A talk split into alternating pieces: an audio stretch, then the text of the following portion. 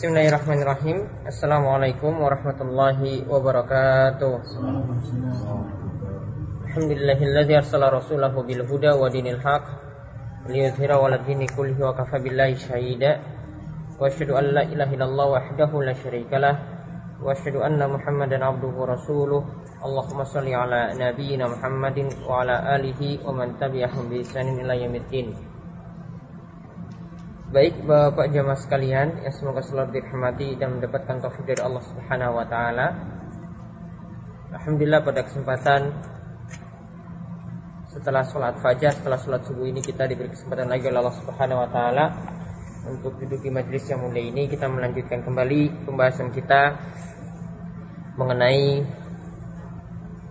bahasan tauhid yang kita kaji dari kitab kitab tauhid yang disusun oleh Syekh Muhammad bin Abdul Wahab. Dan pada kesempatan kali ini kita masuk ke pembahasan bab tafsir at-tauhid wa syahadati alla ilaha illallah. Yaitu bab tafsir kalimat tauhid dan syahadat la ilaha illallah. Jadi yang akan beliau bahas di sini setelah beliau di awal-awal itu membahas tentang keutamaan dan pentingnya itu kita bertauhid dan beliau menjelaskan tentang bahaya-bahaya syirik dan juga keutamaan orang-orang yang bertauhid dan yang mentauhidkan Allah Subhanahu wa taala dengan sempurna dengan meninggalkan dosa besar, dosa kecil, bid'ah maupun maksiat yang lainnya sudah jelaskan pada bab-bab sebelumnya lalu beliau juga jelaskan tentang keutamaan kita itu mendakwahi atau mengajak orang untuk mentauhidkan Allah dan menjauhi kesyirikan.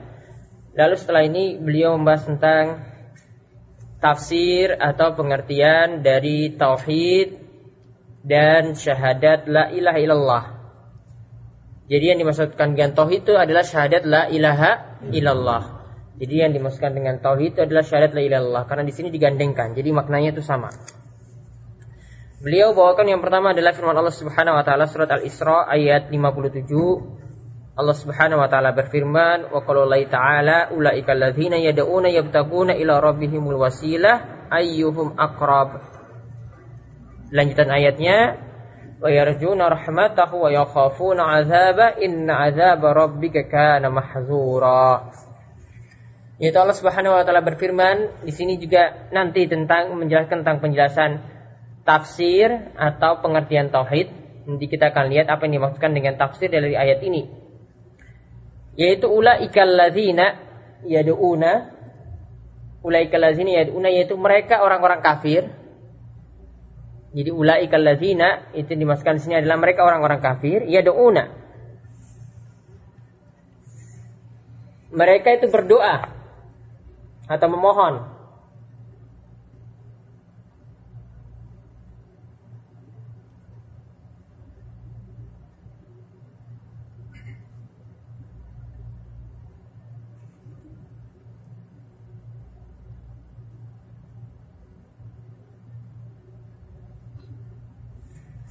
Lalu yabtaguna ila rabbihimul wasilah. Ya. Mereka itu memohon kepada yabtaguna orang yang mengharap kepada Allah. Jadi di awalnya ini membicarakan tentang orang kah? kafir. Mereka itu yadu'un, mereka itu berdoa kepada siapa? Kepada yabtaguna ila rabbihimul wasilah. Kepada yabtagun yaitu orang-orang yang mengharap yaitu orang-orang soleh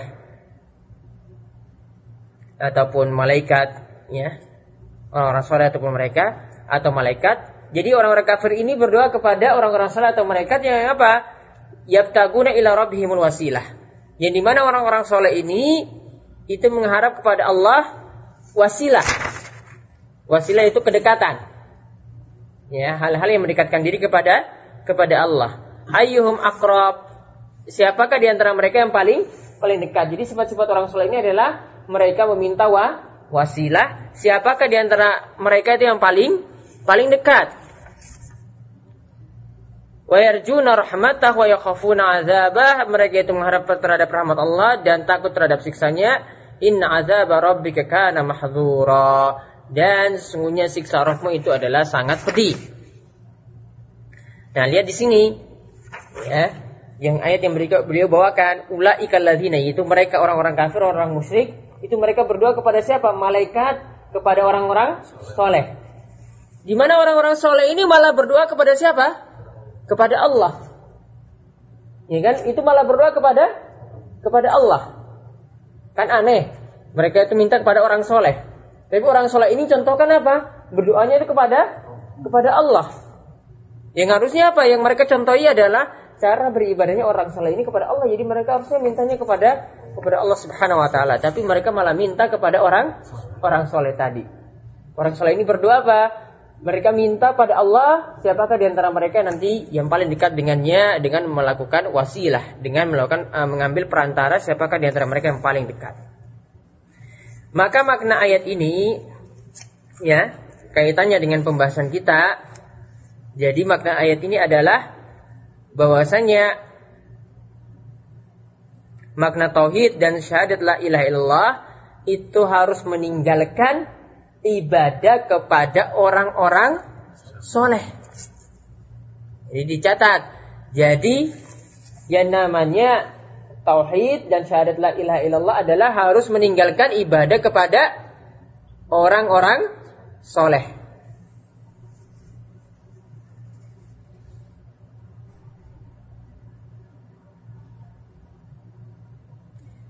Mau orang soleh juga ibadah kepada para nabi, ibadah kepada para malaikat dan selain Allah.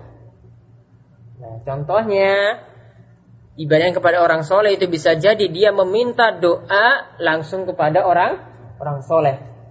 Wahai wali, wahai sunan, tolong kabulkan doa kami ini. Ya, kami minta agar rezeki kami itu lancar dan seterusnya. Dia mintanya kepada siapa? Orang soleh tadi. Atau bentuknya kedua, orang soleh tadi itu dijadikan perantara untuk doa kepada Allah. Yang termasuk syirik kalau minta doanya seperti ini. Ya, dia minta kepada orang soleh tadi, wahai orang ya, ya wali, sampaikanlah doa kami ini kepada Allah supaya rezeki kami itu lancar. Jadi dia mintanya kepada siapa? Wali. Berarti sudah berdoa kepada wa, wali untuk sampaikan doa ini kepada kepada Allah. Ini berarti sudah ada doa kepada wali tadi. Ini juga ter, termasuk. Maka di sini makna tauhid atau syahadat la ilaha illallah harus meninggalkan ibadah semacam semacam ini. Ini doa, ini termasuk ibadah. Nabi SAW itu katakan ad-du'a'u wal ad-du'a'u hiyal ibadah. Yang namanya doa itu adalah ibadah. Jadi tidak boleh ya kita malingkannya kepada selain Allah Subhanahu wa taala. Kemudian ya itu secara ringkas seperti itu. Kemudian ayat yang kedua, wa qauluhu Ya jadi paham ayat pertama ya.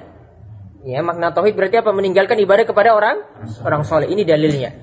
Jadi di sini ceritakan orang-orang musyrik itu berdoanya ya kepada orang soleh yang di mana orang soleh ini malah minta doa kepada kepada Allah. Jadi orang-orang musyrik ini mintanya kepada orang soleh ini. Ya tadi di antara tujuan tadi seperti yang kami contohkan, ya ada yang menganggap bahwasanya orang soleh ini sebagai perantara untuk doa kepada kepada Allah. Jadi dia minta pada orang soleh tadi, wahai wali, sampaikanlah doa-doa kami ini kepada pada Allah. Artinya dicintai orang soleh, padahal orang soleh itu yang berdoa langsung kepada Allah. Dan Allah Subhanahu Wa Taala katakan, "Udu'uni astajib lakum."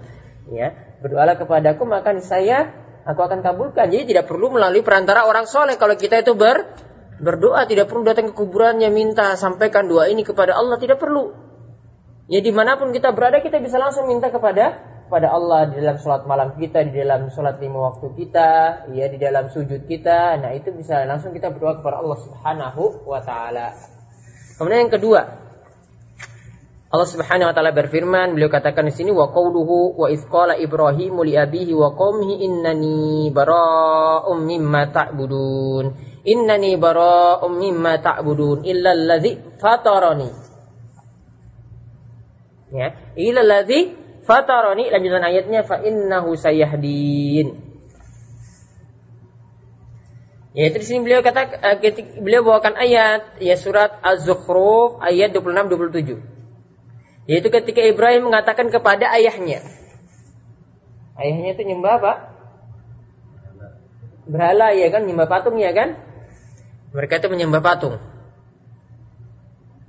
Ketika Ibrahim itu mengatakan kepada bapaknya. Kalau dalam ayat yang lain dikatakan dengan perkataan yang halus, ya, yaitu dalam surat semisal dalam surat dalam surat Maryam pakai kalimat ya abati. Ya, dipanggil ya abati. Jadi dipanggil yang pakai eh, panggilan yang sopan. Nah, lihat kita kembali kepada ayat ini. Ayahnya mengatakan kepada kaum uh, Ibrahim itu mengatakan kepada ayahnya dan kaumnya, "Innani bara'um mimma ta'budun." Ibrahim mengatakan kepada abihi, kepada ayahnya wa qaumihi dan kaumnya, "Innani sungguhnya aku ya sungguhnya aku yaitu Ibrahim bara'um mimma ta'budun berlepas diri dari apa yang kalian sembah." Maksudnya dia tidak ikut nyembah sebagaimana yang ayahnya ataupun kaumnya itu sem sembah. Dia berlepas diri, nggak mau turut beribadah kepada selain Allah, tidak mau ikut dalam ritual-ritual mereka. Jadi Nabi Ibrahim itu tinggalkan. Kemudian Nabi Ibrahim katakan, ya illallazi fataroni. Kecuali aku mau beribadah kepada siapa? Kecuali aku mau beribadah kepada fataroni yang telah menciptakanku. Ya, yang telah menciptakanku yaitu siapa yang telah menciptakan Ibrahim? Allah Subhanahu wa taala. Ya. Dia cuma mau beribadah kepada sesembahan Allah saja, ya kepada sembahannya, kepada uh, sembahan yang benar yaitu Allah saja. Tidak mau beribadah kepada selain Allah Subhanahu wa taala. Nah, kalau di sini nah di sini dapat kita lihat makna tauhid langsung di sini. Ya. Karena makna tauhid itu di dalamnya itu ada dua rukun. Makna tauhid dalamnya itu ada dua dua rukun. Di sini sudah disebutkan yang pertama yaitu dalam perkataan Ibrahim innani bara'um mimma ta'budun. Sesungguhnya aku berlepas diri dari apa yang kau sembah yaitu yang pertama rukun tauhid yang pertama adalah an-nafyu. An-nafyu nafyu apa? Meniadakan yaitu meniadakan sembahan selain Allah. Rukun tauhid yang pertama adalah meniadakan sesembahan selain Allah.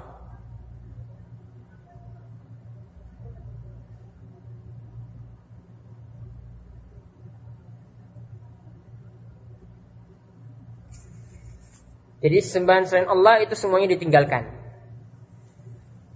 Lalu rukun tauhid yang kedua adalah isbat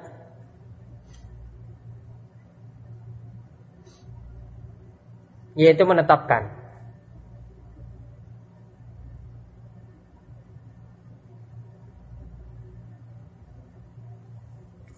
Yang pertama tadi apa? An-nafyu yaitu meniadakan yaitu meniadakan meniadakan segala sembahan selain Allah. Kemudian yang ditetapkan itu yang kedua yaitu al-isbat, rukun yang kedua. Yaitu menetapkan hanya Allah yang berhak disembah. Menetapkan hanya Allah yang berhak disembah.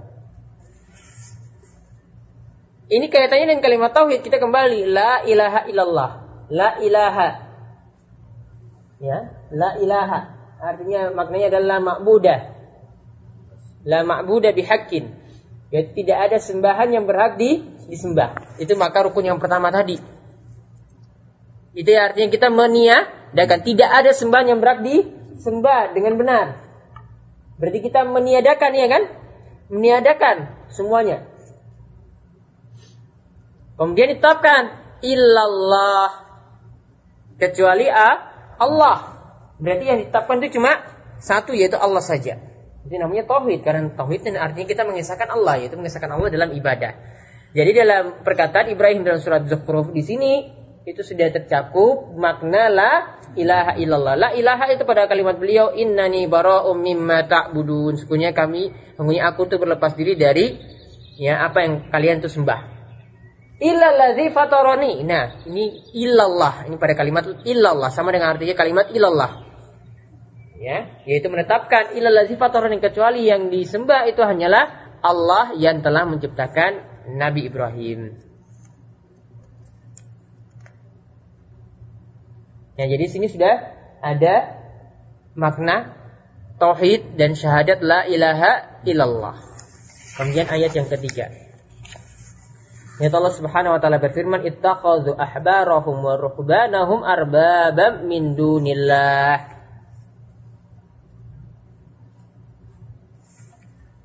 Yaitu mereka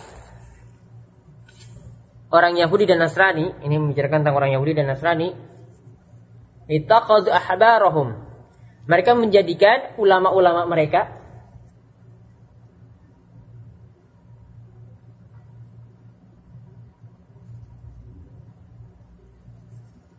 Ittaqad ahbarahum yaitu orang-orang Yahudi dan Nasrani ya menjadikan ahbarahum ulama-ulama mereka. Ahbarahum ini ulama Yahudi. Wa ruhbanahum pendeta atau ahli ibadah. Ruhbanahum pendeta atau ahli ibadah.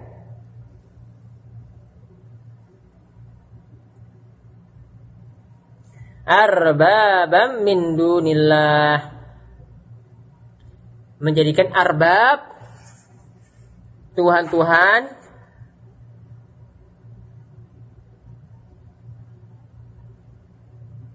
yang menghalalkan ataupun mengharamkan min dunillah selain Allah. Jadi pendeta dan ulama-ulama itu malah jadi Tuhan selain Allah.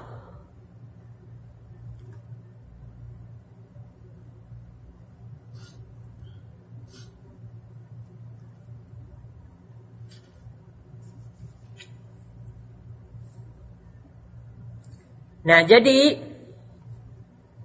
kalau orang Yahudi, perhatikan kalau orang Yahudi, mereka itu adalah orang yang berilmu. Ya, maka mereka itu punya ulama-ulama. Tapi mereka itu tidak mau mengamalkan ilmunya. Kemudian kalau orang Nasrani, mereka itu adalah ahli ibadah. Tapi ahli ibadahnya itu asal-asalan, tanpa dalil. Ya tidak ada petunjuk sama sekali. Maka kalau orang muslim itu sifatnya mirip Yahudi. Berarti berilmu tapi tidak mau ber, beramal.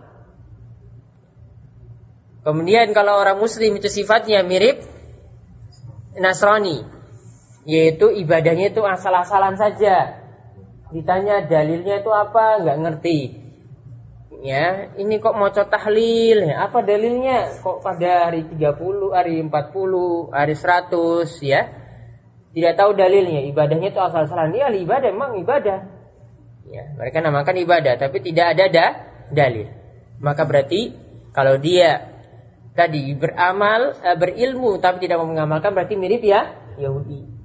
Ya kalau dia itu beramal tapi tanpa ilmu berarti mirip Nasrani oleh karena itu setiap kali sholat kita berlindung dari dua sifat ini. Ya. Yaitu kalau kita sholat ya wajib baca Al-Fatihah di akhir ayat katakan goiril makdub. Ya. Bukan jalannya orang-orang yang apa? Makdub yang dimurkai. Yaitu makdub di sini orang-orang Yahudi. Tadi orang-orang Yahudi sifatnya apa? Orang Yahudi sifatnya apa tadi? Berilmu tapi tidak ber beramal. Ya walad dolin dan orang-orang yang sesat, yaitu orang-orang Nasrani. Karena orang-orang Nasrani sifatnya itu apa? Beramal tapi tanpa tanpa ilmu. Jadi setiap kali sholat kita sudah berlindung dari sifat orang-orang yang berilmu tanpa amal dan orang yang beramal asal-asalan tanpa adanya ilmu.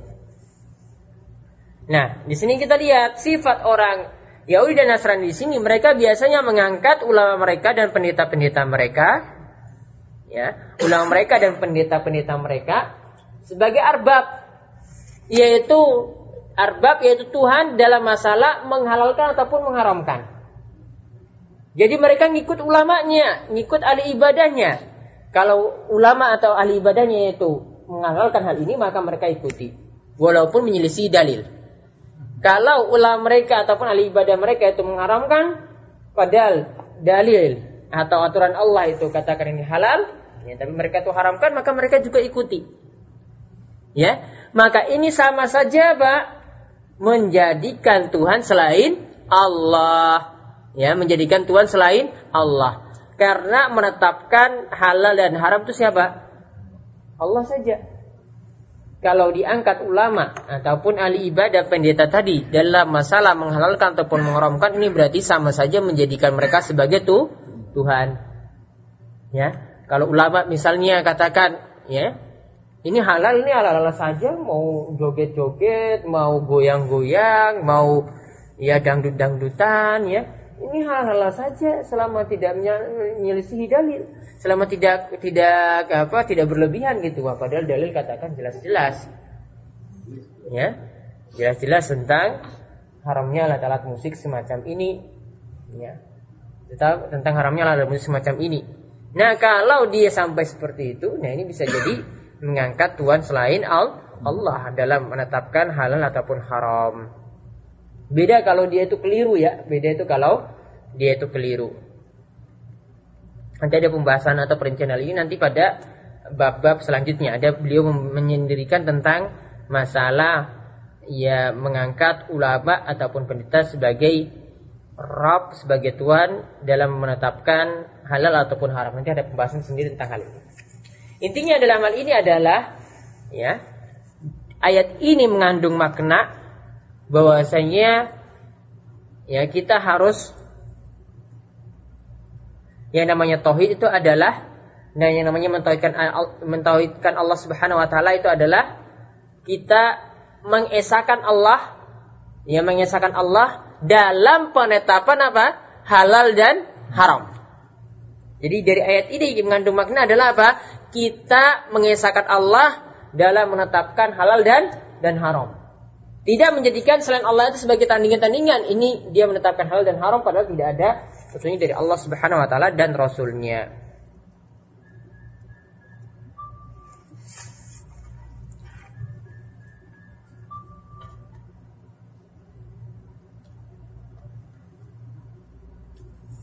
Kemudian ya, jadi ayat ini paham ya? Jadi ini juga makna tauhid yaitu kalau tauhid adalah kita bertauhid kepada Allah Subhanahu wa taala adalah kita menetapkan bahwasanya yang berhak menetapkan hal dan haram itu cuma cuma Allah Subhanahu wa taala. Kemudian ayat yang berikutnya lagi surat Al-Baqarah ayat 165 yaitu Allah Subhanahu wa taala berfirman ya wa minan nasi may yattakhizu min dunillahi andada yuhibbunahum ka hubbillah yuhibbunahum kahub kahubbillah. Lanjutan ayatnya walladzina amanu asyaddu hubbalillah. Wa minan nas dan di antara manusia mayattakhidhu min dunillahi andada. Ada di antara mereka yang menjadikan tandingan-tandingan selain selain Allah. Ya, saya ulang dan di antara manusia ada yang menjadikan selain Allah sebagai tandingan-tandingan sebagai tandingan-tandingan bagi Allah. Sebagai tandingan. Menjadikan selain Allah sebagai tan tandingan. Kemudian dikatakan yuhibbunahum kahubbillah. Mereka yaitu orang-orang musyrik mencintai sembahan-sembahan tersebut kahubbillah sebagaimana mereka mencintai mencintai Allah. Ya, sebagaimana mereka mencintai mencintai Allah. Ya, yuhibbunahum kahubbillah di sini maknanya ada dua. Ya, yuhibbunahum kahubbillah di sini maknanya ada dua. Lihat ya nanti bedanya di sini ya.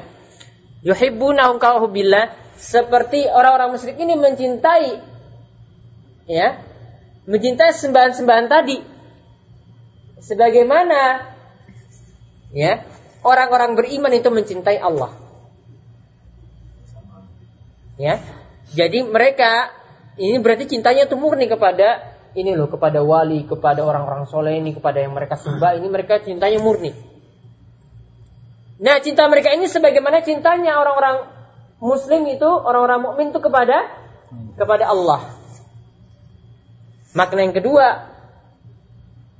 ya makna yang kedua, yuhibbunahum kahbillah itu maknanya adalah mereka mencintai sembahan mereka sebagaimana cinta orang-orang musyrik ini sendiri kepada pada Allah. Makna di antara dua makna ini yang mengandung kesyirikan yang kita bahas. Yang Allah itu di, di, di, disekutukan. Allah itu diduakan yang mana? Yang kedua. Kalau yang pertama tadi kan ini tidak ada pokoknya mereka itu cinta kepada sembahan-sembahan mereka sendiri. Orang-orang muslim cinta kepada Allah. Tapi kalau yang makna yang kedua, mereka cinta kepada sembahan-sembahan mereka, ya sebagaimana mereka cinta kepada pada Allah. Jadi Allah di sini diduakan. Ya. Allah di sini diduakan. Jadi paham ya bedanya ya? Ya. Jadi Allah diduakan. Nah, yang bagus yang kita ambil maknanya ini makna yang kedua. Bagaimana cinta mereka orang-orang musyrik ini kepada pada Allah. Jadi Allah ketika itu diduakan dalam masalah apa? Cinta. Itu cinta yang berbau ibadah di sini. Cinta yang mengandung makna ibadah.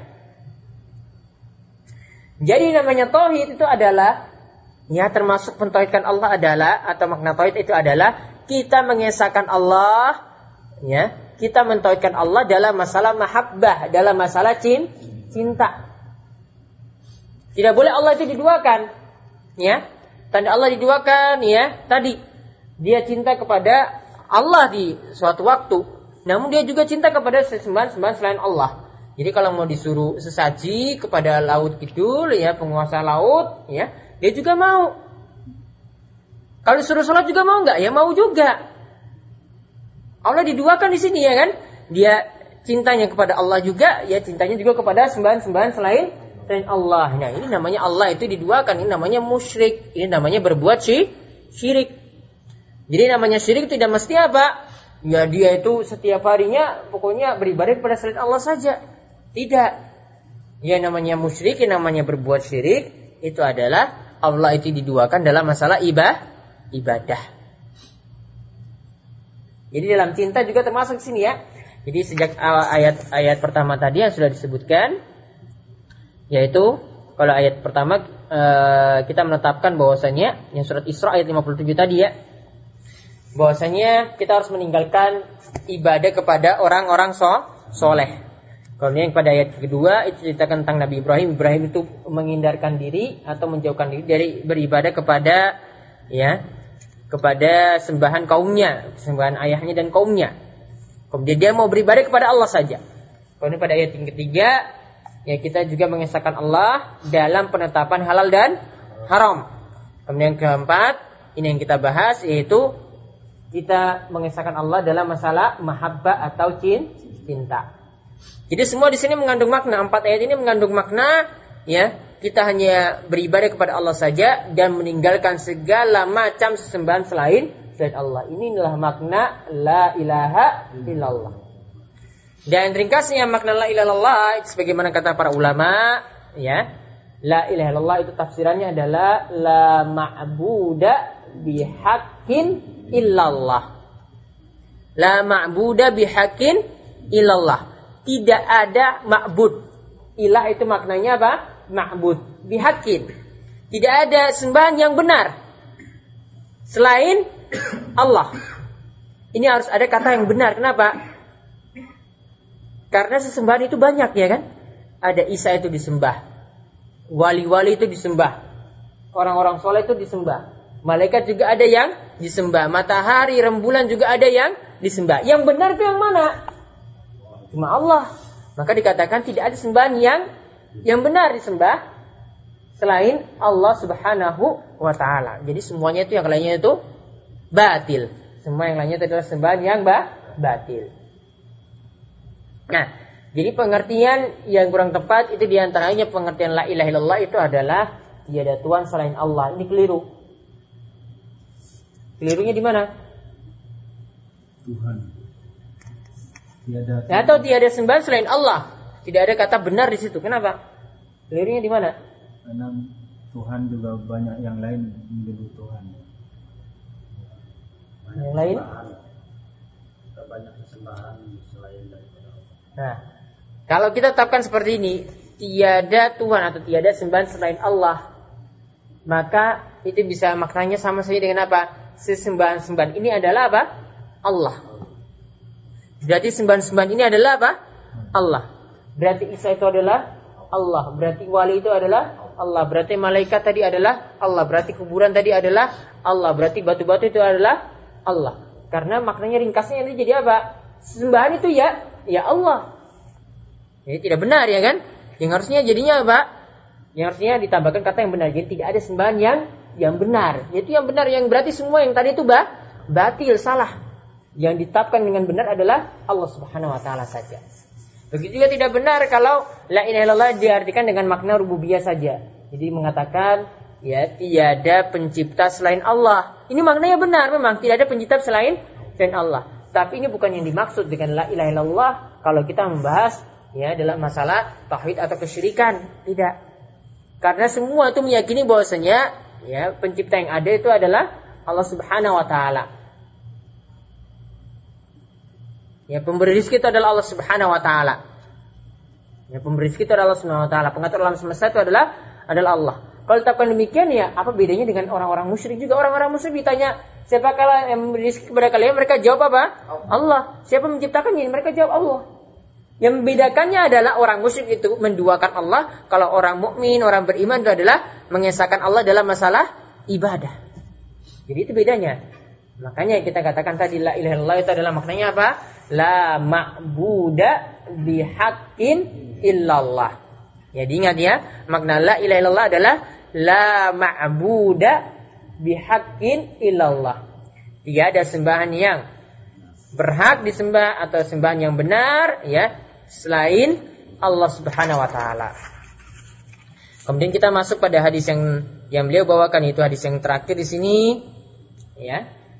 Pada bab ini ya wa fi sahihi yaitu dalam kitab sahih jadi maksudnya sini adalah sahih muslim ya fi sahih yaitu maksudnya sini adalah sahih muslim Ain Nabi SAW Nabi SAW itu bersabda Ain Nabi SAW dari Nabi SAW Annahu qal bahwasanya beliau bersabda Man la ilaha illallah Wa kafara bima yu'badu min dunillah Harma maluhu wa dammuhu wa hisabu Allah Barang siapa yang mengucapkan la ilaha illallah wa kafara bima yu'badu min dunillah dan dia itu mengingkari atau mengkufuri bima yu'badu min dunillah sembahan-sembahan selain Allah yang disembah selain Allah haruma maluhu maka amanlah hartanya wadamuhu darahnya wa hisabu Allah dan hisabnya nanti di sisi Allah Subhanahu wa taala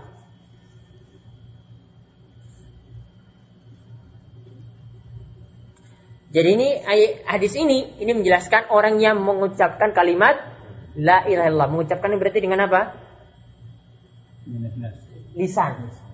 Mengucapkannya di sini dengan li, lisan. Ya, barang siapa mengucapkan la ilaha illallah, konsekuensinya apa? Disebutkan selanjutnya. Wa kafara bima yu'badu min dunillah dan dia mengingkari sembahan-sembahan selain Allah. Dia mengingkari tidak boleh kita meminta kepada wali di kuburan. Dia mengingkari tidak boleh kita minta pada kubur. Dia mengingkari tidak boleh kita jadikan wali sebagai perantara kepada Allah. Dia mengingkari kita tidak boleh beribadah kepada batu. Dia mengingkari kita tidak boleh beribadah yang jadikan ya orang-orang soleh itu diwujudkan dalam dalam bentuk patung kemudian mereka dijadikan perantara juga kepada Allah Subhanahu wa taala. Atau dia mengingkari juga tidak boleh melakukan sajian, tidak boleh melakukan sedekah bumi yang di mana ini adalah bentuk peribadatan kepada selain Allah Subhanahu wa taala. Ya, wa kafara bima yu'badu min dunillah. Maka balasannya apa? Haruma maluhu hartanya itu jadi aman. Dia tidak boleh hartanya itu dirampas bagaimana orang-orang kafir. Wadamuhu darahnya juga terlindungi. Wa hisabu Allah dan hisabnya itu nanti di sisi Allah Subhanahu wa taala. Maka hadis ini menerangkan bahwasanya makna la ilaha illallah itu adalah kafaru kafaru bima yubadu min dunillah yaitu kita harus mengingkari sembahan-sembahan selain selain Allah. Jadi kalau malah meridoi ya acara-acara syirik, meridoi ya sembahan-sembahan selain Allah, adanya sembahan-sembahan selain Allah ini berarti dia tidak menjalankan konsekuensi la ilaha illallah. Dia tidak menjalankan konsekuensi la ilaha illallah. Ya.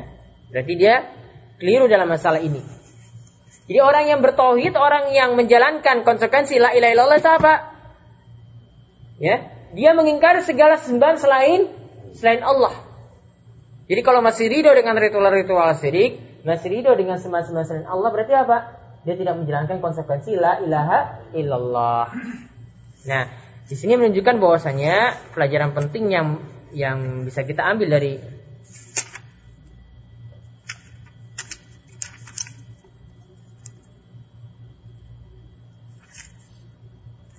ya dari bab ini eh dari dari hadis ini bahwasanya karena sini katakan barang siapa yang mengucapkan berarti kita hukumi seseorang itu dilihat dari lahiriah. Ya, kalau dia mengucapkan la ilaha illallah namun hatinya itu kufur, hatinya itu mengingkari, ya, itu berarti kan dia munafik. Orang munafik dihukumi dilihat hatinya atau tidak? Tidak. Yang kecil kalau dia tampakkan. Jadi kita hukumi dia dari apa? dari ucapannya. Karena kita tidak tahu isi hati seorang muslim. Ya, kita tidak tahu isi hati seorang. Maka di sini kita hukumi secara itu. Maka kalau dia sudah mengucapkan la ilallah, kemudian dia mengingkari segala sembahan selain Allah, ya sudah. Maka darahnya, hartanya itu tidak boleh kita ganggu. Ya. Beda kalau dia menampakkan kekufuran, beda. Dia ucapkan la ilallah tapi dia berbuat syirik, itu beda. Tapi kalau dia uh, sudah seperti itu maka kita hukumi secara lahiriah. Ya tidak kita hukumi secara lahiriah bahwasanya dia itu seorang muslim. Nah ini sebenarnya ada perkataan beliau yang beliau jelaskan lagi tentang maksud ayat-ayat tadi tentang pengertian la ilaha illallah di sini. Tapi kita tinggalkan kita masuk ke bab selanjutnya tentang masalah jimat-jimat. Halaman 30 ya Bab minasyirki labsul halqati wal khayti wa nahwihima li raf'il bala'i au daf'ihi. Nah, ini baru ini baru masuk contoh-contoh syirik. Ini baru masuk contoh-contoh sih syirik. Tentang masalah jimat. Tadi awal-awal sudah dikasih mukadimah dulu, memang dimantapkan imannya dulu kan, nggak langsung masuk iya kan? Nah, sudah jelaskan pentingnya tauhid, keutamaan tauhid, tentang orang yang bertauhid. Orang yang bertauhid kemudian meninggalkan maksiat-maksiat bisa masuk apa 70 ribu orang yang apa? Tanpa hisap, tanpa azab langsung bablas terus, masuk terus ke surga. Lalu bahaya berbuat syirik. Kemudian kita harus mendakwakan tauhid. Kemudian juga kita ya harus memahami juga makna tauhid Tadi sudah dijelaskan pada bab sebelumnya. Nah, sekarang kita masuk contoh-contoh syirik. Beliau mulai nggak langsung syirik-syirik besar yang kekuburan nggak. Mulai kecil-kecil dulu. Ya. Kalau besar langsung mungkin semua orang langsung pergi dari sini. Ya. Mungkin semua orang langsung pergi. Tapi beliau masuk yang sederhana dulu, yang kecil dulu. Karena kalau yang besar langsung sudah. Mereka nggak mau tahu yang kecil-kecil lagi ya kan. Jadi kalau yang kecil-kecil dulu pelan-pelan, pelan-pelan, pelan-pelan sampai puncak, ya ibadah-ibadah kubur nanti beliau singgung semua di sini. Nah, itu baru nanti pelan-pelan beliau akan sebutkan. Dicontohkan tafsir, dirinci satu persatu perbuatan syirik yang biasa kita temukan apalagi di masyarakat kita. Ya. Yang pertama di sini beliau bahas tentang minasyirki termasuk syirik. Berarti ini termasuk syirik. Ya sudah ditegaskan ya. Minasyirki. Berarti termasuk si syirik. Lapsu mengenakan atau menggunakan atau memakai halkoh gelang. Kalung. Bukan sesuatu yang melingkar. Gelang kan melingkar ya kan? Kalung juga melingkar. Cincin melingkar nggak? Cincin juga masuk. Halakoh ya halakoh kan melingkar kan? Makanya halkoh sesuatu yang melingkar. Ya taruhlah kalungnya. Wal khayti atau benang hiyatoh ya atau menjahit ya kan. Nah benang wa nahwihima dan semacamnya. Berarti bukan hanya ini saja ya. Bukan hanya ini saja jimat itu bentuknya. Ya. Mau pakai sabuk apa istilahnya? Sabuk apa? Ya. Mau pakai sabuk di sini. Ya. Mungkin ada yang cuma diikat di leher saja kalung kecil. Ya, ada yang di pajang di pintu. Nah, tujuannya apa? Nah, di sini yang maksudnya yang kita kita maksud. Ya, jimat itu seperti apa? Tujuannya adalah liraf el balai au daf'ihi. Untuk menghilangkan musibah ya menghilangkan apa musibah ihi atau mencegahnya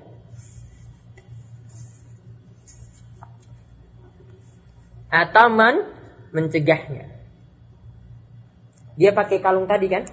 Kalung tadi. Kalung.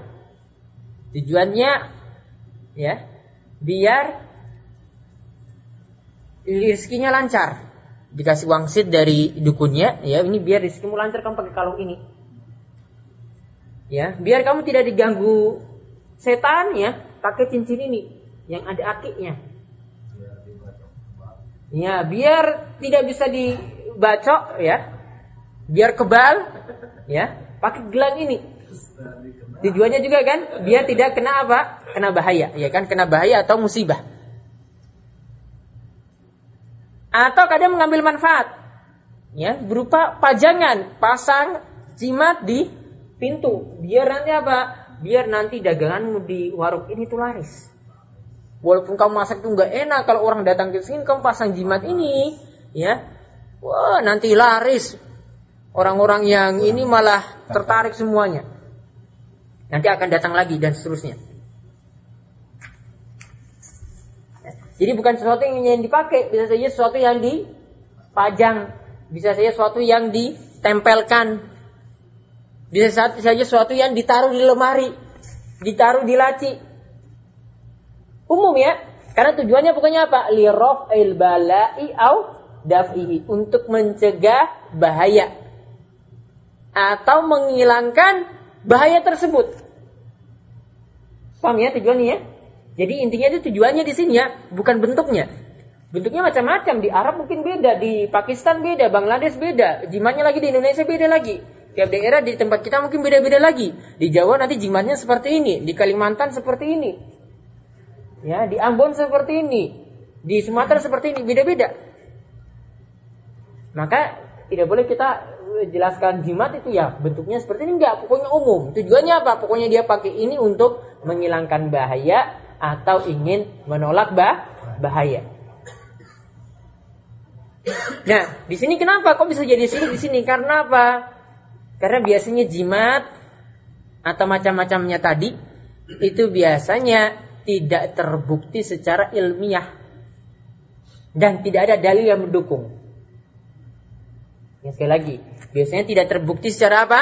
ilmiah dan tidak ada dalil yang mendukung. Contohnya, gelang tadi coba gelang ini pakai biar nggak dibaca. Apa hubungannya coba dengan ilmiahnya? Ada segi logikanya ada. Ada pakai rumus-rumus kimia gitu buat gelang tadi sehingga kalau pedang itu kena tangan gitu ini nggak mempan. Ada rumus-rumusnya seperti itu bisa buat gelang seperti itu ada. Logikanya masuk nggak? Nggak masuk ya kan? Pakai batu akik tadi, ya biar nggak kena penyakit macam-macam. Ada nggak logikanya? Kalau diteliti-teliti sudah buat eksperimen macam-macam gitu ya ini nggak akan kamu nggak akan kena penyakit ain, nggak akan kena panas, nggak akan kena santet dan seterusnya. Ada logikanya seperti itu? Diteliti secara ilmiah pakai cobaan, percobaan, percobaan, eksperimen, eksperimen, nggak ada. Ada dalil, ada dalilnya juga juga tidak ada. Hah? Zuhiriyah. Ya itu sirik tadi Zuhiriyahnya. Nggak bukti secara eksperimen nggak ada kan. Kalau obat, kita minum obat misalnya, obat panas. Ya, dari dokter. Sudah dibuktikan nggak secara eksperimen? Sudah. Iya kan? Sudah terbukti kan? Obat batuk, obat flu, sudah dibuktikan nggak ya? Sudah. Ada buktinya. Dari mana buktinya? Ya pakai percobaan-percobaan. Ini mengandung ini, mengandung zat ini. Sekarang tadi batu akik tadi, mengandung zat apa? Kok bisa nyambungnya itu ke tadi? Bisa sembuhkan penyakit. Bisa tahan penyakit. Gelang tadi bisa tahan bacok. Hah? Logikanya ada. Bisa dilogikakan nggak? Kalau nggak bisa ya sudah. Tadi pasang jimat tadi di pintu tadi. Coba. Ada unsur-unsur kimianya nggak jimatnya tadi sehingga buat dagangan laris nyambungnya itu ada nggak? Nggak ada kan? Nggak ada. Nah ini masalahnya itu di situ. Walaupun kenyataannya ada itu. Walaupun kenyataannya ada dia buktikan wah ini laris betul ya itu kan ya itu sudah itu syiriknya. Anti bacok. Anti bacok ya mungkin anti bacok ya itu karena ada setan yang bantu dia biar nggak dibacok gitu. Ya, walaupun buktinya kenyataannya ada tidak setiap segala sesuatu yang ada bukti nyatanya itu benar. Kadang ada bukti nyatanya malah si syirik. Nah, sekarang kita lihat contoh-contoh yang uh, beliau bawakan dalil dulu nanti baru ada contoh-contoh tentang kasus-kasus yang memakai jimat. Nah, beliau bawakan ayat yang pertama. Ini ayatnya sifatnya umum tapi bisa kita berdalil dengan ayat ini untuk yang menyatakan larangnya jimat-jimat. Allah Subhanahu wa taala berfirman, "Qul afara'aytum ma tad'una min dunillahi in aradani Allah bidurrin hal hunna kashifatu dhurri." Surat Az-Zumar ayat 38. Qul afara'aytum kabarkanlah kepadaku, katakanlah kabarkanlah kepadaku mata dauna min dunillah. Itu apa yang kalian seru, apa yang kalian mohon selain Allah. Ya. Jadi Allah katakan, coba datangkan tadi yang jimat-jimat atau selain Allah yang kau seru, yang kau mohon, yang kau minta perlindungan, yang kau mohon supaya dihilangkan bahaya. In aradan ya Allah bidurrin. Bagaimana jika Allah itu menginginkan tetap ada bahaya. Hal hunna kasyifatu durri? Apakah mereka bisa menghilangkan bahaya tersebut? Ya, apakah mereka bisa menghilangkan bahaya tersebut?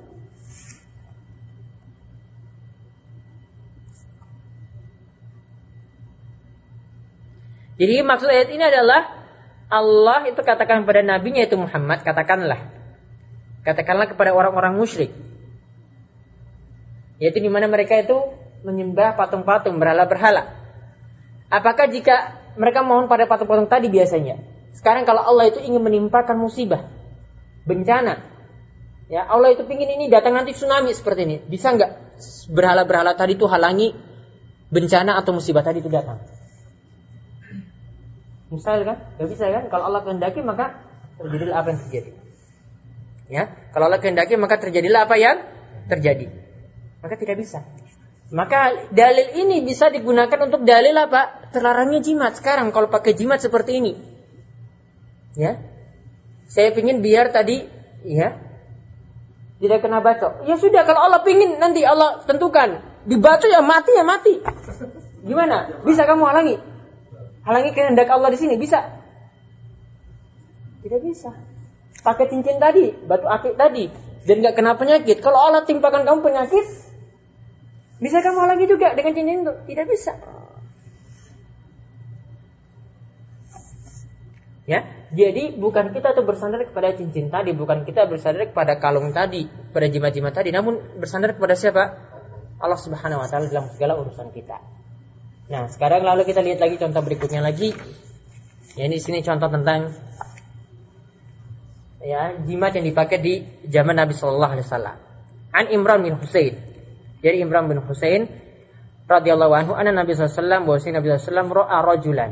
Beliau itu melihat seseorang. Dia di halqah min sufr. Di tangannya itu ada kalung dari kuningan, sufur kuningan, asfar kuningan, sufur kuningan. Dia pakai kalungnya sini ya. Pakai, eh, bukan kalung, gelang. Gelang di tangan. Gelang dari apa? dari kuningan. Kemudian ketika itu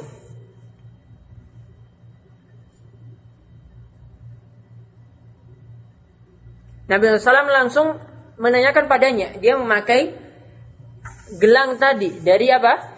Kuningan. Kemudian Nabi SAW katakan padanya, Mahazi, apa ini? Mahazi, apa ini? Kemudian ia mengatakan minal wahina.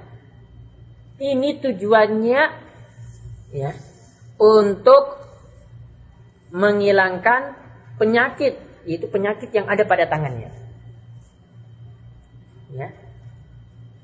Ini untuk menghilangkan apa? Penyakit yang ada pada pada tangannya. Maka dia pakai gelang ini Ya, dia pakai gelang ini. Berarti di sini untuk lirof il bala, untuk menghilangkan bahaya. Untuk bukan untuk mencegah di sini ya, berarti ini untuk menghilangkan bahaya. Kemudian setelah itu Nabi SAW itu katakan kepada orang yang pakai gelang ini inzi'ha fa innaha la taziduka illa wahnan copot gelang tadi Nabi suruh, suruh apa? Copot lepas lepaslah gelang tersebut fa innaha la taziduka illa wahnan gelang tersebut itu tidak bisa membuat apa-apa kecuali hanya nambah apa? Wahnan, kelemahan. Buat jadi lemah. Gak ada manfaat. Apa nyambungnya? Jadi maksudnya apa nyambungnya gelang tadi dengan penyakit kamu? Mengapa ada eksperimen buktikan kalau pakai gelang itu ampuh? Nah, lalu beliau katakan selanjutnya lihat di sini ya, orang yang pakai jimat itu seperti ini nanti akibatnya. Fa innaka law mitta wa hiya 'alaika abadan. Dan engkau jika mati wahya alaika dan engkau masih pakai gelang tadi atau masih pakai jimat tadi ma aflahta abadan engkau tidak akan beruntung selamanya tadi cuma ingin di dunia saja ingin cepat sembuh penyakitnya itu hilang ya kan tapi di akhirat sudah. Kelas. Maaflah tak abadan. Kau tidak akan beruntung selamanya. Ini akibat orang yang pakai apa? Gelang tadi, pakai jimat. Jadi karena dia itu maksudnya tadi pakai jimat tadi apa? Untuk lirof bala, untuk menghilangkan bahaya atau penyakit yang ada pada tangannya. Tapi ini tidak ada logikanya itu tidak ada, nyambungnya itu tidak ada. Logika nyambungnya tidak ada. Maka Nabi SAW itu hukumnya sebagai syirik. Suruh copot. Ngapain kalau ini bukan syirik? Nabi SAW suruh copot. Nabi tegas. Kemudian sampai dikatakan, engkau masih pakai ini sudah, engkau nggak akan beruntung selamanya. Ini menunjukkan bahwasanya larangan juga menggunakan pengobatan yang haram dengan jimat-jimat. Kemudian di sini juga perlu adanya pengingkaran terhadap orang yang jahil, orang yang tidak tahu. Kemudian ini juga menunjukkan bahayanya syirik di dunia maupun di akhirat. Di dunia tadi sudah nggak dapat untung apa-apa. Di akhirat apalagi? Maaflah tabar dan engkau tidak akan beruntung selamanya. Nah, jimat itu sebenarnya masuk syirik asgor, ya. Maka jimat saja selama hatinya itu ya cuma mengambilkan jimat ini sebagai sebab. Sebagai sebab saja. Tapi hatinya tetap bersandar kepada Allah. Allah tetap yang menyembuhkan. Ini cuma sebagai sebab. Maka itu syirik asgor. Di sini saya sirik asgor sini saya dikatakan maaflah ta'a abadan. Engkau tidak akan beruntung selamanya. Ini menunjukkan bahwa syirik itu masih lebih parah walaupun itu syirik asgor walaupun syirik kecil lebih parah daripada dosa besar. Orang pakai jimat berarti lebih parah pada orang yang berzina. Itu aja. Lebih parah pada orang yang nyuri, yang nyolong, atau yang korupsi, atau yang membunuh. Kalau itu mungkin masih Allah ampuni. Tapi kalau berbuat syirik, ya masuk dalam timbangan sudah. Apalagi syirik akbar, setelah seluruh amalannya sabota, ya amalannya terhapus semuanya. Kemudian yang berikutnya lagi, beliau contohkan lagi ya, tentang jimat yang terlarang lagi di sini disebutkan dalam hadis Uqbah. Walahu an Uqbah yaitu dari Muslim juga. Oh, walahu di sini maksudnya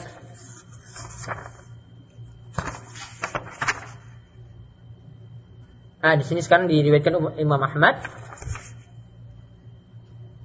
Oh tadi di sini diriwayatkan Imam Ahmad juga dari Imran bin Husain tadi diriwayatkan Imam Ahmad. Yang hadis kedua di sini juga diriwayatkan oleh Imam Ahmad. Walahu yaitu diriwayatkan dari Imam Ahmad bahwasanya an Uqbah dari Uqbah bin Amir marfu'an yaitu secara marfu. Marfu itu maksudnya sampai pada Nabi SAW. Man ta'allaqa tamimatan fala atammallahu lahu wa man ta'allaqa wada'atan fala wada'allahu lahu. Barang siapa ta'allaqa yang menggantungkan ya, dia mau gantung di badannya sendiri, mau gantung di hewan tunggangannya, mau gantung di dinding, mau gantung di kudanya, mau gantung di mobilnya, Ya, mau taruh di bannya, taruh di belakang, belakang mobilnya maksudnya, ya. Man ta'ala tamimatan yang menggantungkan tamimah, jimat-jimat. Dulu kalau tamimah itu namanya adalah tamimah itu adalah dimaksudkan untuk benda untuk melindungi ain yang tertimpa pada anak kecil. Ain itu mata hasad. Ya, kalau orang itu takjub pada sesuatu, ya, wah anak ini kok cakap sekali gitu ya, cakap sekali gitu. Jadi pandangan hasadnya, pas pandangan irinya, pandangan tidak sukanya tadi, ya, pandangan dia itu heran tadi. Nah itu bisa membuat sesuatu menimpa pada anak kecil tadi. Itu namanya ain. Makanya kalau kita kalau lihat sesuatu yang yang menajubkan tadi, ucapkan doa barokah. Masya Allah, barakallah fi gitu. Jangan berhenti saja. Uh, wah ini uh, luar biasa gitu. Jangan. Masya Allah, tabarakallah gitu. Masya Allah, Allah yubarik fi gitu. Ya. ya jangan berhenti saya jumlah Wah itu cakep sekali anak itu tadi. Itu bisa bahaya kalau itu mengandung pandangan yang hasad. Tiba-tiba anak itu tadi ya terkena panas, terkena penyakit dan seterusnya. Enggak boleh. Makanya tadi ketika melihat sesuatu yang mengerangkan Nabi SAW itu ajarkan apa? Doakan barokah. Ya, doakan ba barokah. Jadi selalu ucapkan Allahu ibarik fiik ya. Masya Allah, tabarakallah. Kalau saya melihat orang Ya bisa juga perkara yang lain.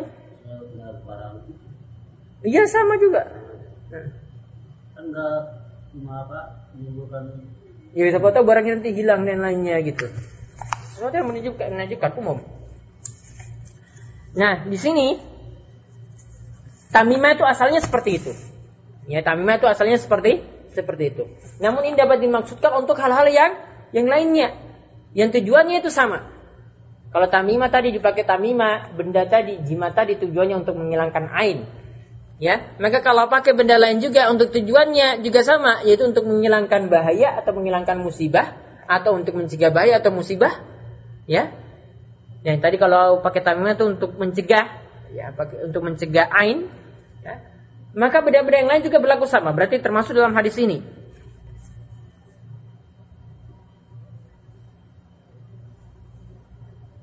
Nah, jadi barang siapa yang menggantungkan jimat, fala maka Allah tidak akan ya menyempurnakan urusannya, artinya membantu urusannya. Maka Allah tidak akan membantu urusannya. Kemudian Muhammad ta'allaqa wada'atan fala wada lahu. Ya. Barang siapa yang memakai ini wadah ini juga namanya benda yang digunakan juga untuk menghilangkan air. Ya, digunakan juga untuk menghilangkan air. Barang siapa menggunakan wadah maka fala wadah Allahu lahu. Maka Allah Subhanahu wa taala juga tidak akan memberikan ya pertolongan atau meringankan urusannya, memudahkan urusannya. Berarti di sini menunjukkan bahwasanya tamimah, jimat-jimat ini termasuk ke kesyirikan.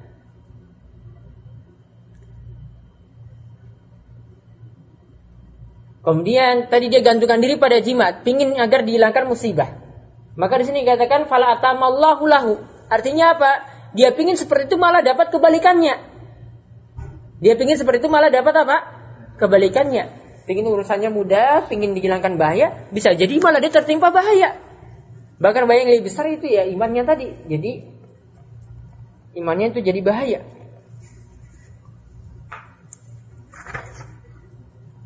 Nah kemudian kita lihat dari dalil yang terakhir yang dibawakan oleh beliau. Wali ibni Abi Hatim anak Huzaifah dari ibnu Abi Hatim dari Huzaifah. Yaitu annahu bahwasanya Huzaifah ra'a rajulan fi yadihi khaitun minal huma yaitu dari hadis Ibnu Abi Hatim dari Huzaifah bahwasanya dia melihat seorang dia di tangannya itu ada ada benang. Benangnya tujuannya adalah minal huma. Tujuannya untuk menghilangkan panas.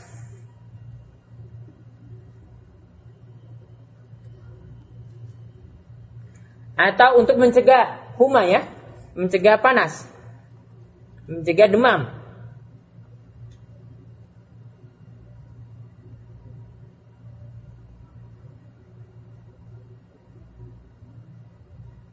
Maka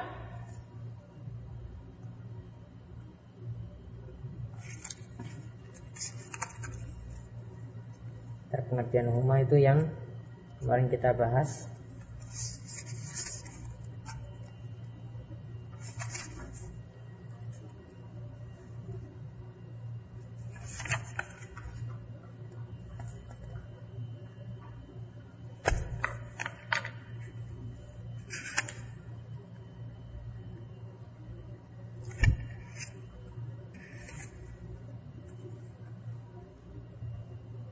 Ya pokoknya huma di sini penyakit ya. Untuk mencegah suatu penyakit. Ya untuk mencegah suatu penyakit. Jadi Huzaifah itu melihat pada seseorang itu dia memakai apa? Memakai benang pada ta tangannya. Jadi tangannya itu ada ya gelang, gelang dari benang. Ya. Benang di tangannya. Tujuannya tadi, tujuannya ini adalah untuk Ya fungsinya untuk menghilang, untuk mencegah agar dia tidak tertimpa suatu penyakit. Kemudian setelah itu apa fakoto aku, Huzaifah memotongnya, memutuskan benang tersebut. Wa ta'ala qawlahu dan membacakan firman Allah Subhanahu wa taala. Huzaifah itu membacakan firman Allah Subhanahu wa taala, ya Huzaifah bin Yaman itu membacakan firman Allah Subhanahu wa taala, "Wa ma yu'minu aktsaruhum billahi illa wa hum musyrikun." Dan tidaklah ya kebanyakan di antara mereka itu beriman kepada Allah ya kecuali mereka itu adalah orang-orang yang berbuat syirik. Kecuali mereka itu adalah orang-orang yang berbuat syirik. Jadi dia berdalil dengan tadi ya. Orang yang pakai gelang tadi ini perbuatan syirik. Ini termasuk perbuatan syirik syirik. Yarhamkallah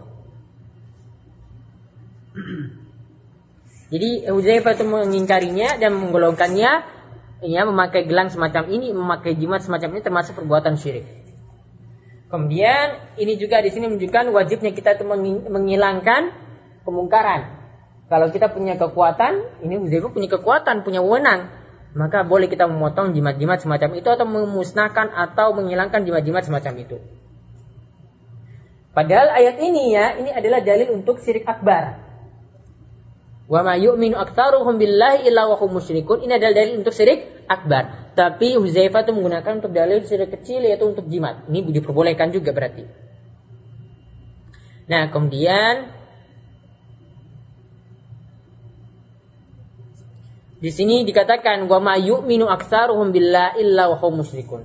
Jadi mereka tidaklah beriman. Ya, mereka tidaklah beriman. Ini menunjukkan bahwasanya orang-orang musyrik itu asalnya itu mengimani rububiyah. Tapi mereka itu menyekutukan Allah itu adalah masalah ibadah. ibadah. Jadi tetap mereka dikatakan syirik musyrik karena menduakan Allah Subhanahu wa taala itu adalah masalah ibadah. Jadi ada beberapa faedah di sini yang terakhir kita lihat dari beliau sampaikan.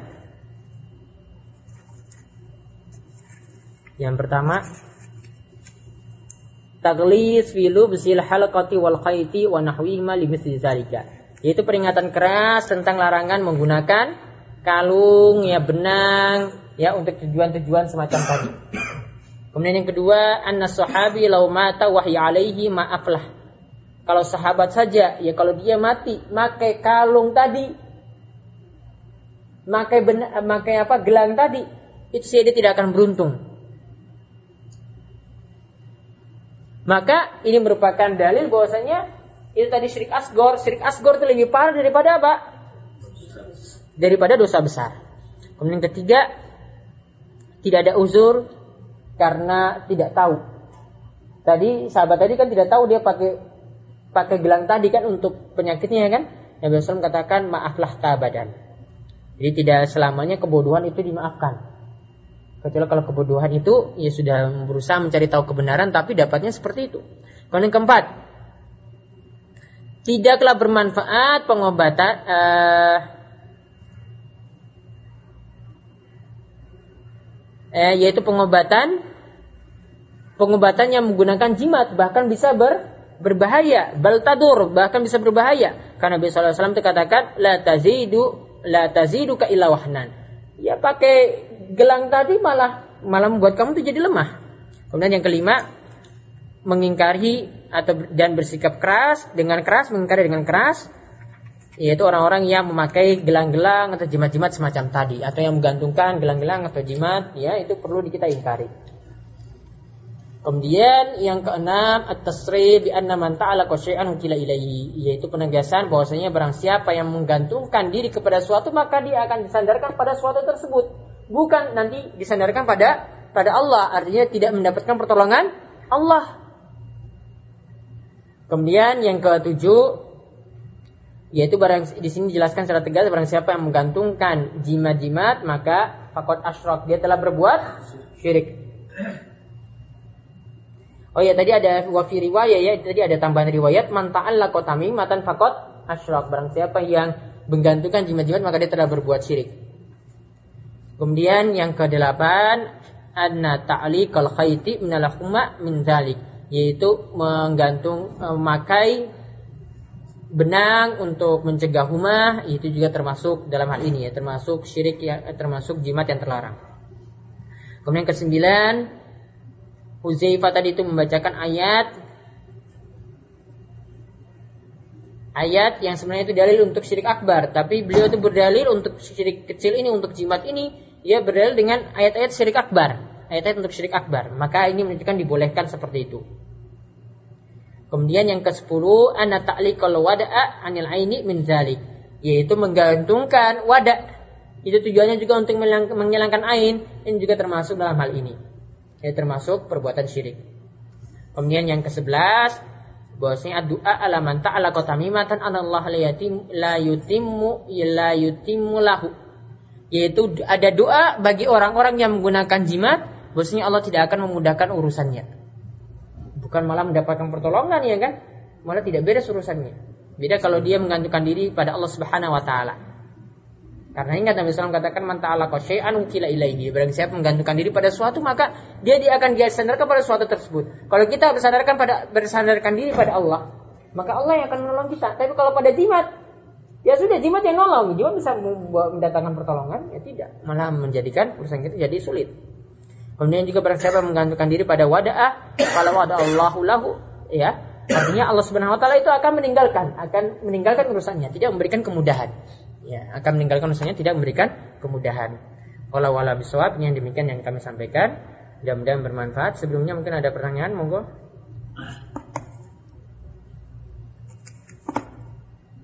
Di Indonesia banyak sekali yang pakai gimana cara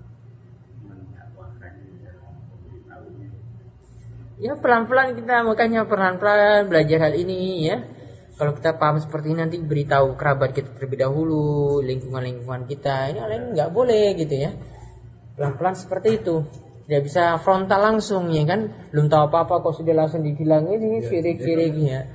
Bisa jejak Pelan-pelan makanya kita perlu belajar berkali ilmu seperti ini ya. Kalau kita punya kemampuan di masyarakat kita dakwahkan terutama untuk keluarga kita dahulu. Karena ada ini paham yang gini juga kan itu kan ciptaan Allah. Ya Allah memberikan eh, sesuatu keistimewaan. Hmm. kenapa kita nggak memanfaatkan? Ada yang ciptaan Allah itu macam-macam. Iblis juga diciptakan oleh Allah. Kita manut sama iblis. Ya. Anjing diciptakan oleh Allah juga. Kita boleh makan anjing. Iya kan? Larangan-larangannya itu ada. Ya tidak semua ciptaan Allah itu digunakan. Ya, Allah itu kan memberikan suatu ciptaan ada sebagai ujian. Ya. Allah memberikan suatu ciptaan ada yang boleh kita manfaatkan, ada yang sebagai ujian saja. Jadi tidak boleh kita nikmati secara penuh, secara utuh. Gitu. Nah, yang eh, di sana terkenal kiai orang itu.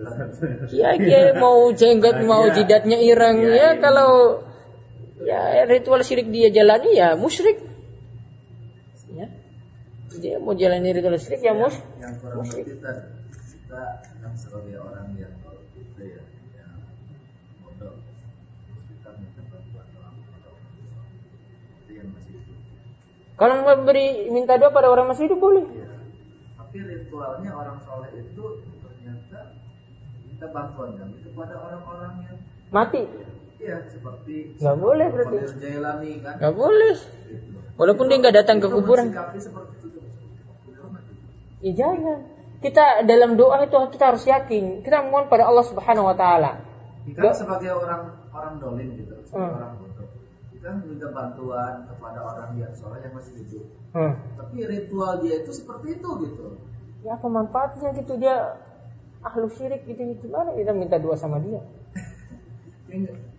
Kadang-kadang saudara gitu kan. Hmm. Saudara. Kita kan tahu orang yang soleh dan Hmm. orang yang melaksanakan syirik. Hmm. Terus kita cegah gitu. Seperti itu tuh salah.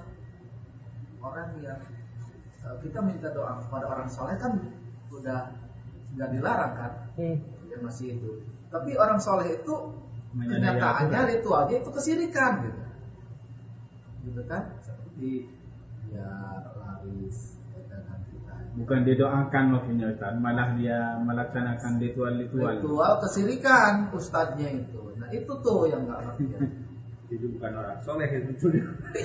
jadinya jadinya gimana? Ya orang soleh menurut dia gitu. Berarti udah bukan dicap orang soleh udah. Itu rata-rata seperti itu ustadz kita. dalam pengobatannya Seperti kan ada tamu. Nih kan saya ini punya bisnis kalau tanah tanah ini ayu sekian juta 30 juta ini saya kasih dan Ustaz mau diumrohkan Doakan. Insya Allah saya ke mana tanahnya kan yang mana orangnya yang mau dimaksud yang mau membelinya. Tulis malam tuh ritualnya kan ngewirid ya.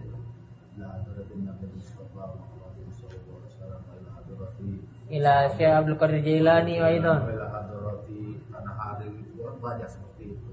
Terus dia temannya segala. Berdoa. Ya berdoa ya sih cuma seperti itu ritualnya ya. Gimana sekarang seperti itu itu fenomena di masyarakat saya seperti itu Ya kalau kita didik mereka pelan-pelan untuk belajar ini nanti insya Allah nanti tinggalkan seperti itu.